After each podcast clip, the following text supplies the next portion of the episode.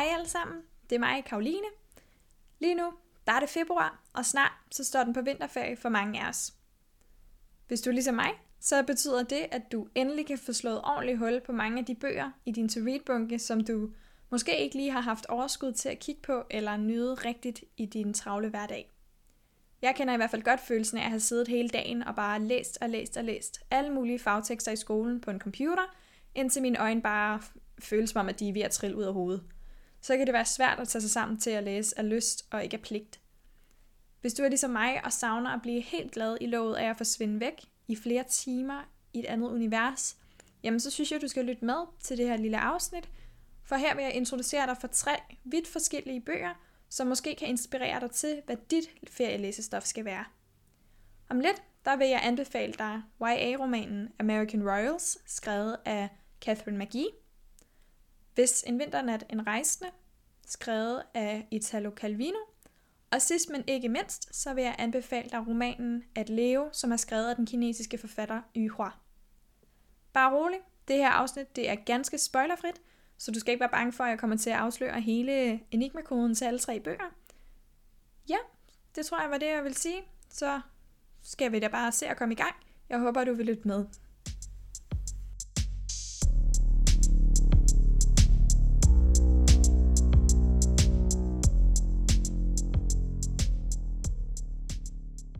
Den første roman, jeg gerne vil anbefale dig, det er American Royals, som er en YA-roman, der udkom i 2019.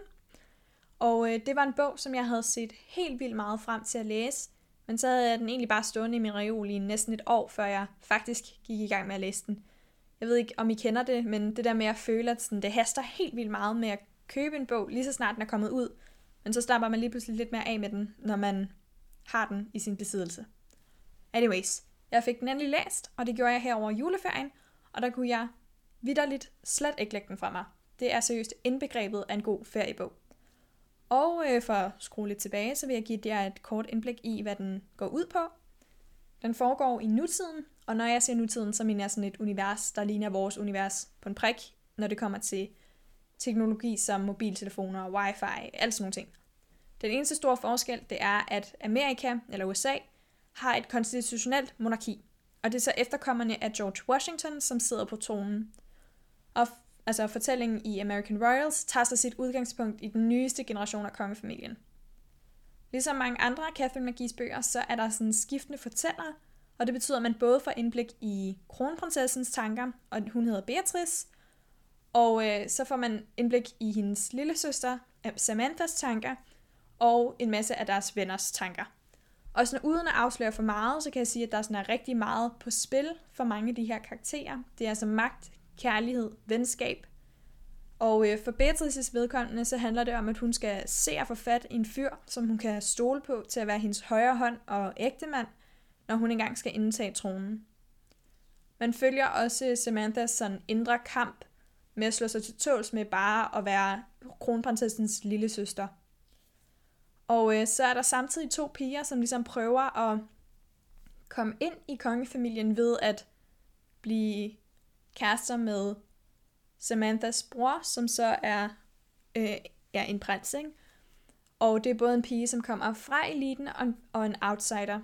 Og øh, de bekymrer sig begge to om sådan at passe ind i det her selskab.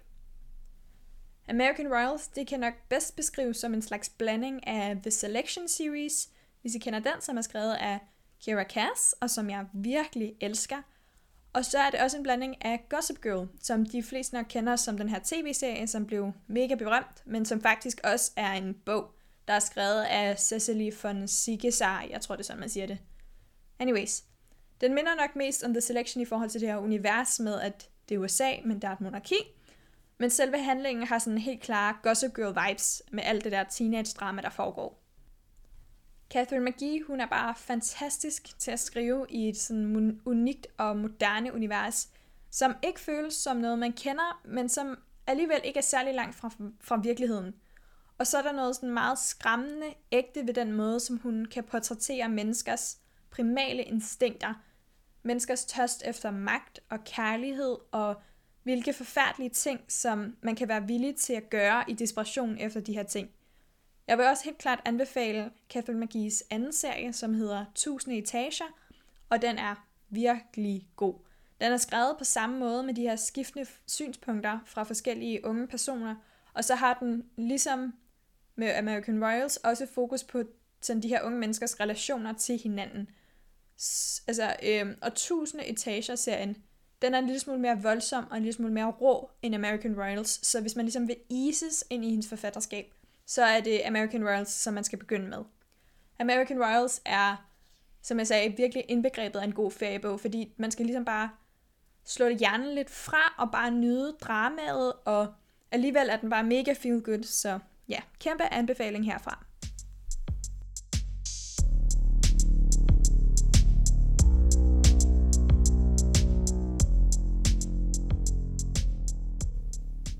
Hvis en vinternat en rejsende var klart en af de mest syrede bøger, som jeg læste sidste år. Den udkom i 1979, så det er et godt stykke tid siden.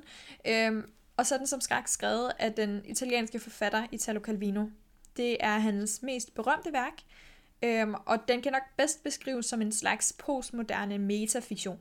Og tro mig, jeg forstår virkelig godt, at det er nemt at blive skræmt væk af sådan en beskrivelse, men den er helt klart læsevenlig, også selv 40 år efter, at den blev udgivet. Øhm, jeg læste den som en del af et bogklubsinitiativ i min klasse, og jeg havde sådan set aldrig hørt om den før. Øhm, og da jeg gik i gang med den, så havde jeg virkelig ingen idé om, hvad den handlede om. Og øh, ja, jeg havde læst bagsiden, men øh, den bliver man altså ikke særlig meget klar, altså ikke særlig meget klogere af at læse. Øhm, jeg tror lige, jeg læser op på bagsiden. Yes, på bagsiden står der, at romanen er en fiktion om fiktioner, en roman om romaner, en bog om bøger. Dens hovedperson er bogens forfatter og hans egen læser. Handlingen følger læsningen af en roman og fuldendelsen af en kærlighedshistorie. Yes, det var det, der stod på bagsiden. Så kan jeg uddybe med, at, øh, eller jeg kan uddybe en lille smule ved at sige, at den både handler om kærlighed, krig, spionage, og så råder man sig også ud i noget øh, kimerisk og kimbrisk og polsk litteratur. Øh, bedre kan jeg ikke rigtig forklare det, og øh, jeg kan ærligt talt sige, at jeg aldrig har læst noget lignende. Ikke at der ikke findes noget lignende, det ved jeg ikke, men det er bare aldrig noget, som jeg er naturligt at støtte på. Og derfor tænkte jeg også, at jeg vil anbefale den her på den her platform, fordi den måske på samme måde kan være med til at udvide din læsehorisont. Jeg har lidt på fornemmelsen, at det er en af de der bøger, som man enten elsker eller hader, og personligt synes jeg, at den var helt vildt spændende at læse, eller mega interessant. Øhm, du vil i den her roman læse en masse forskellig fiktion, som øh, ikke nødvendigvis har særlig meget med hinanden at gøre, og så vil du blive vildt chokeret over at øh, blive gjort opmærksom på dig selv som læser af romanen, og det er en meget weird oplevelse, fordi man læser jo normalt bare som en sådan observatør, der sådan er med på sidelinjen og kigger på, hvordan karaktererne, karaktererne handler, og hvad de gør og siger og sådan nogle ting. Og så føler man jo sig egentlig ret usynlig og usårlig-agtig. Og det er lidt den følelse, som når du sidder på en bænk og kigger på menneskerne omkring dig, og øh, så bliver du overrasket, når de også ser på dig, fordi du ligesom sad og tænkte, at der var et, øh, et etvejsglas, og du kun kunne se dem. Så det er altså en ret speciel oplevelse, og øh, det er faktisk også super nemt at blive forvirret, fordi plottet er helt vildt øh, krøllet og weird, men øh, den går, altså sådan, og den handlingen går sådan langsomt i opløsning på en eller anden måde. Men jeg vil anbefale dig, at du prøver at holde tungen lige i munden, og så sådan fokusere på det store billede, når du læser den. Jeg ved godt, det her lyder sådan utrolig kryptisk, men der er simpelthen ikke andet for end bare at læse den, og så få det til at give mening. Og jeg håber virkelig, at jeg har vækket din nysgerrighed og ikke skræmt dig væk. Men øh, yes, den anbefaler jeg helt klart, hvis du har brug for øh, noget lidt anderledes at læse i din vinterferie.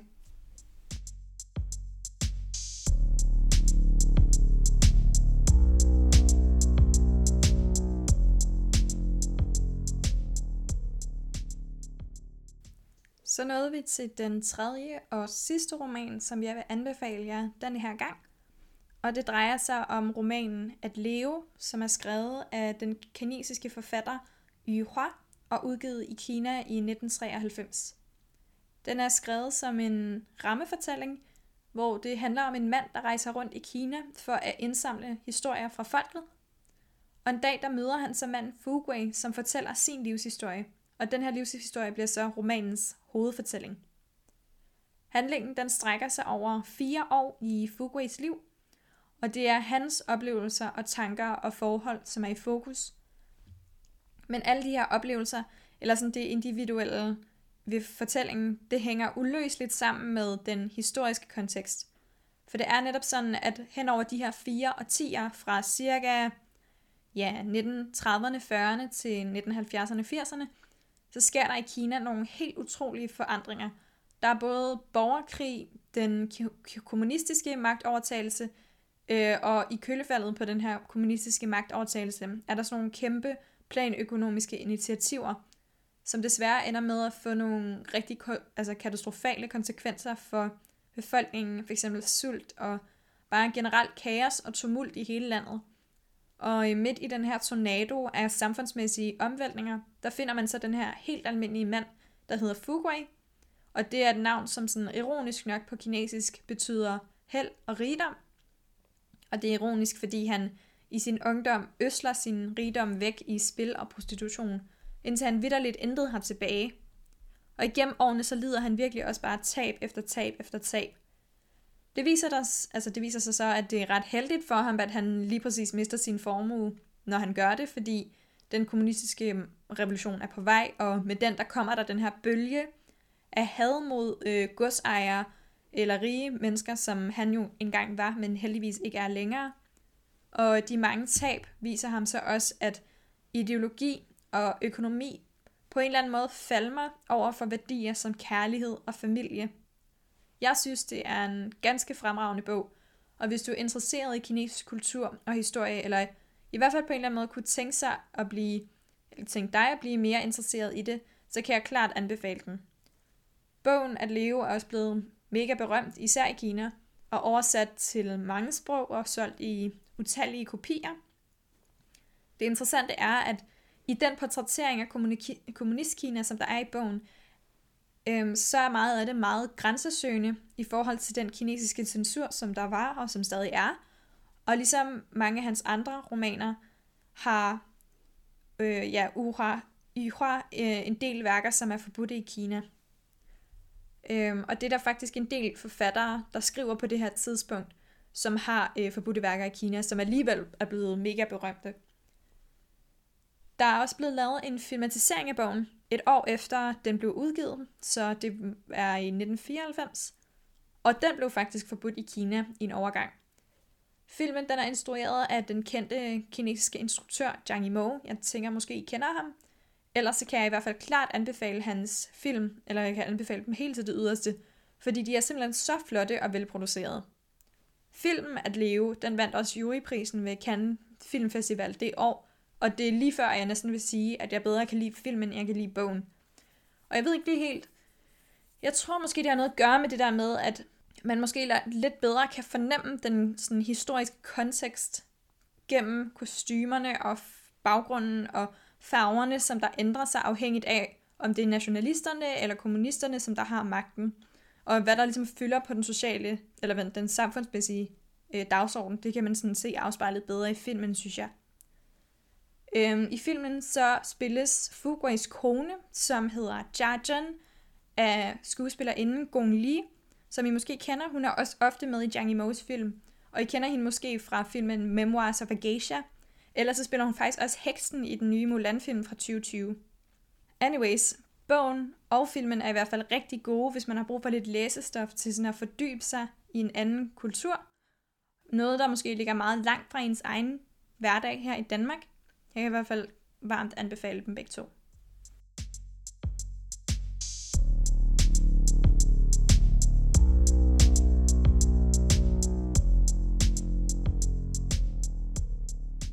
Ja, det var de tre anbefalinger. Jeg håber, at I er blevet inspireret til at komme i gang med noget hyggelæsning hen over ferien. Om det så bliver en af de her tre, eller måske noget helt andet. I kan jo følge med på min Instagram, som hedder Young Adults underscore podcast.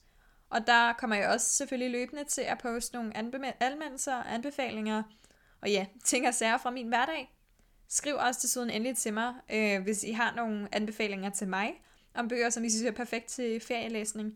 Eller skriv til mig, hvis I har fået læst en af de her tre, fordi jeg er virkelig nysgerrig på, hvad I synes. Så tror jeg ikke, der er så meget andet at sige end, Indtil næste gang, så må I bare have det skønt og nyd ferien. Vi lyttes ved.